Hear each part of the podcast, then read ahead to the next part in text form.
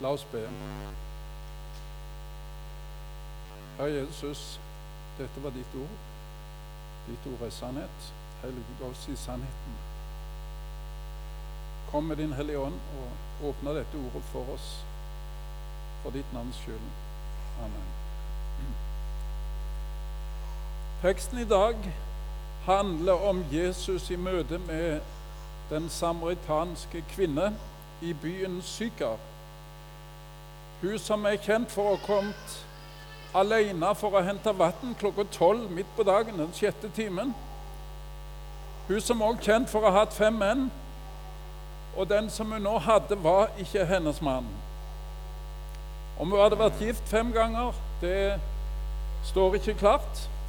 Hvor gammel hun var, vet vi vel heller ikke. Men hvis du har hatt fem menn, så, så er du ikke heller ganske ung. Jeg sjekket litt på Internett for å se de som bruker mange menn i Hollywood, hvor gamle de blir etter hvert. Og um, som uh, nettopp var ferdig med sin tredje, hun var 43. Så kanskje vi kan si hun er rundt 50, denne samaritanske kvinnen. Men på denne måten var hun ganske moderne kvinne. Dette er jo den livsstilen som uh, er forbilder for mange av dagens unge. Hun var en stor forbruker av menn, og mange av de som er forbilder, er storforbrukere av menn og eller kvinner.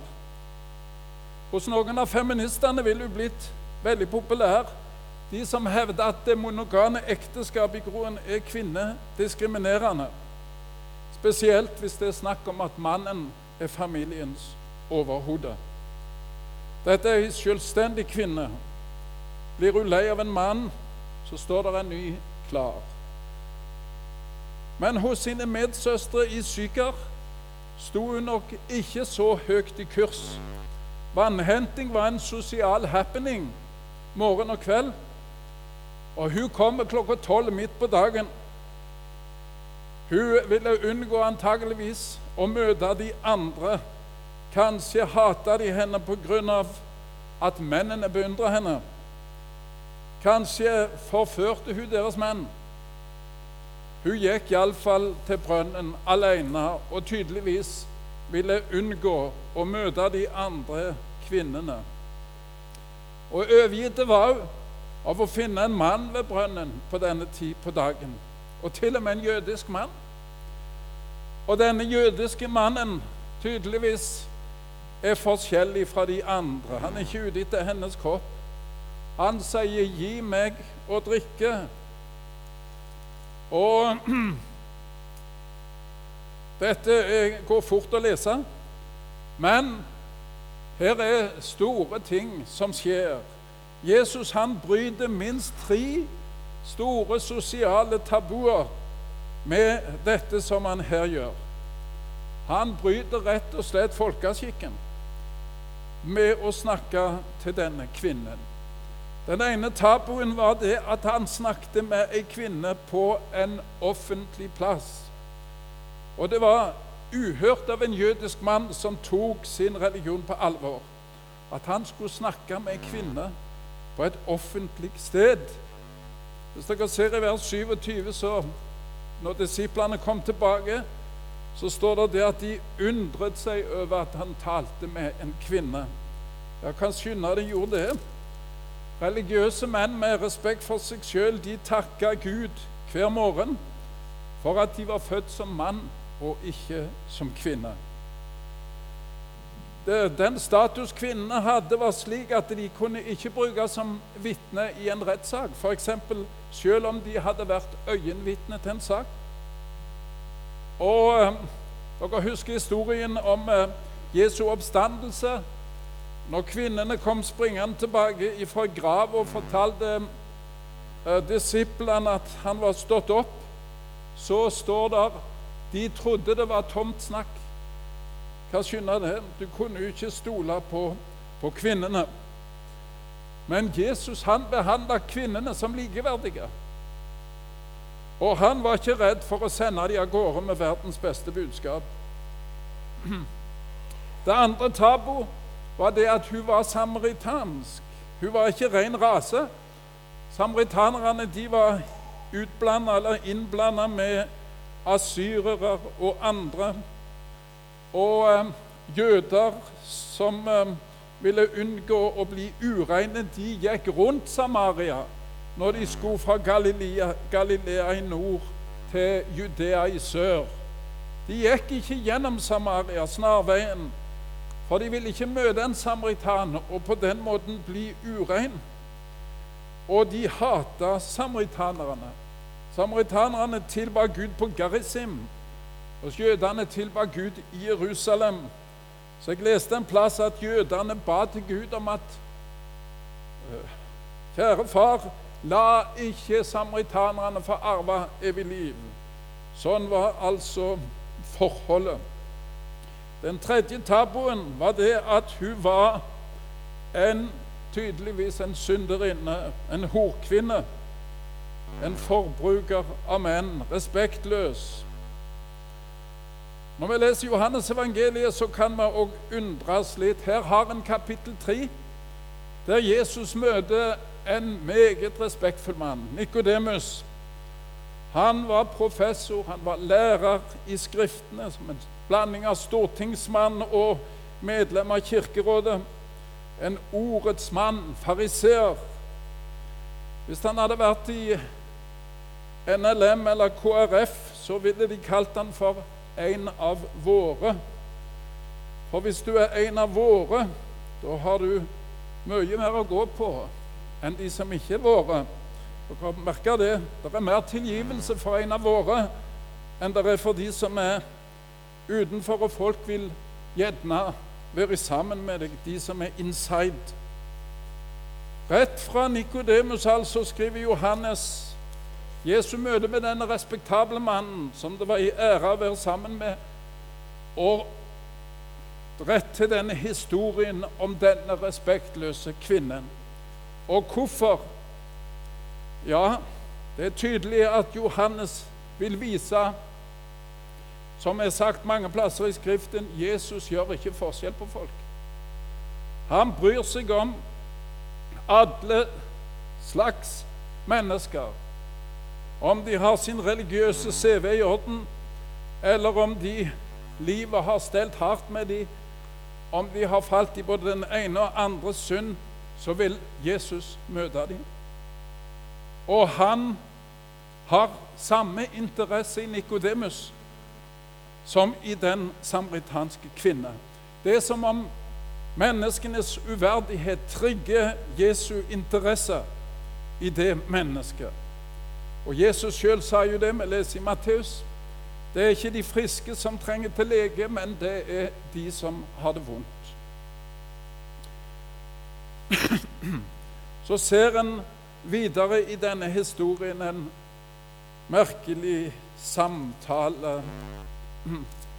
For uh, kvinnen undrer seg hvordan kan du som en jødisk mann be meg, en samaritansk kvinne, om å drikke, og du har ikke noe å dra opp vann med. Eh, når Jesus sier at eh, hvis du visste hvem det var som talte til deg, så ville du be han, og han ville gi deg levende vann.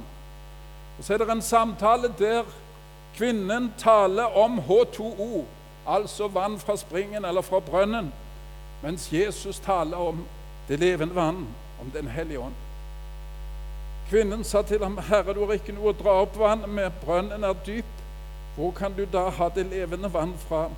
'Du er da vel ikke større enn vår far Jakob, som ga oss brønnen, og selv drakk av den.' Likeså hans sønner og buskapen hans. Jesus svarte og sa henne, 'Hver den som drikker av dette vann, blir tørst igjen.' Men den som drikker av det vann jeg vil gi ham, skal aldri i evighet tørste. Men det vann jeg vil gi ham, blir i ham en kilde med vann som veller fram til evig liv. Og Det er mest som en hører kvinnen si Nei, nå tuller du. Det er ikke noe sånt vann. Men Jesus talte om det levende vann. Kvinnen trodde han talte om springvann eller vann fra brønnen. Og for en uhyrlig påstand! Et vann som en drikker av, som tar vekk all tørst. For en påstand. Men kvinner begynner å ane at eh, han taler om noe mer enn vann, vanlig vann, for hun sier, 'Herre, gi meg dette vann'. Så gikk han slippe å tørste og gå hit for å dra opp vann. 'Herre, gi meg dette vann'. Og her er altså det første klimaks i historien. Jesus setter da fingeren rett på hennes ømme punkt. Gå og rop på din mann. Gå og rop på din mann. Og kvinnen, hun eh, gjør som eh, vi pleier å gjøre alle når vi blir konfrontert med det ubehagelige. Vi tar en, et raskt, lettvint svar for å uh, ikke komme inn på det emnet. Og hun sier nei, jeg har ingen mann. Men nå er sannhetens øyeblikk kommet for denne kvinnen. Englene holder pusten. Kanskje fuglene stoppet og kvitre. Hva velger hun å gjøre? Konfrontert med sannheten. Du har ingen mann. Nei, men du har hatt fem menn. Og han du har nå, er ikke din mann engang. Hva vil du gjøre? Vil du stikke av? Eller vil hun eh, Hva vil hun gjøre? Denne kvinnen hun velger å fortsette samtalen med denne personen. Og så viser det seg det at for at hun skulle få levende vann, så måtte hun først se seg sjøl i speilet uten bortforklaring og innrømme at jo, dette er meg. Dette er mitt bilde. Dette er sannheten om meg. For den som skal få gjøre seg nytte av det levende vann, må godta sannheten om seg sjøl. Må ikke komme med og si 'jeg var ikke strafferettslig ansvarlig når jeg gjorde det og det', men må innrømme 'jo, dette er meg'. Og her kan vi anvende det på oss i dag. Hva er vårt ømme punkt når det gjelder disse ting. Kanskje det er andre ting. Det kan være et utilgivende sinn. Jeg har merka av og til at Herren pirker borti sånne ting. Du som ber, forlat oss vår skyld, som vi forlater våre skyldnere. Ja, tilgir du de som er deg skyldig? Tilgir, tilgir du, eller føler du det at jeg har rett til å avvise, jeg har rett til å være utilgivende mot han eller henne for det at de har gjort galt imot meg. Det kan være pengekjærlighet eller hva det er. Men det ser ut for det at hvis Jesus skal få komme til med det levende vann, så må en gå med på sannheten om oss sjøl. Å bli stilt på bar bakke, det var noe brutalt, det Jesus gjorde her. Jeg har nettopp fått henne i tale, og så, så kom han opp med det ubehagelige uten å kaste bort tida. Dette, er dette deg? Dette speilbildet, er det, er det deg? Nå hadde denne kvinnen prøvd, ser det ut for, å um, fylle en tørst i sitt hjerte med men for å si det sånn Hun hadde prøvd å tilfredsstille sitt liv med å ha mange menn. Men det er faktisk Fra Bibelen ser vi at det er ingen mann eller kvinne eller noe annet som kan stille den innerste lengsel hvert et menneske har. Det er som en har sagt djupt i vår sjel, der ligger det et minne om det tapte paradis. Da vi hadde nærhet til Gud, vår far.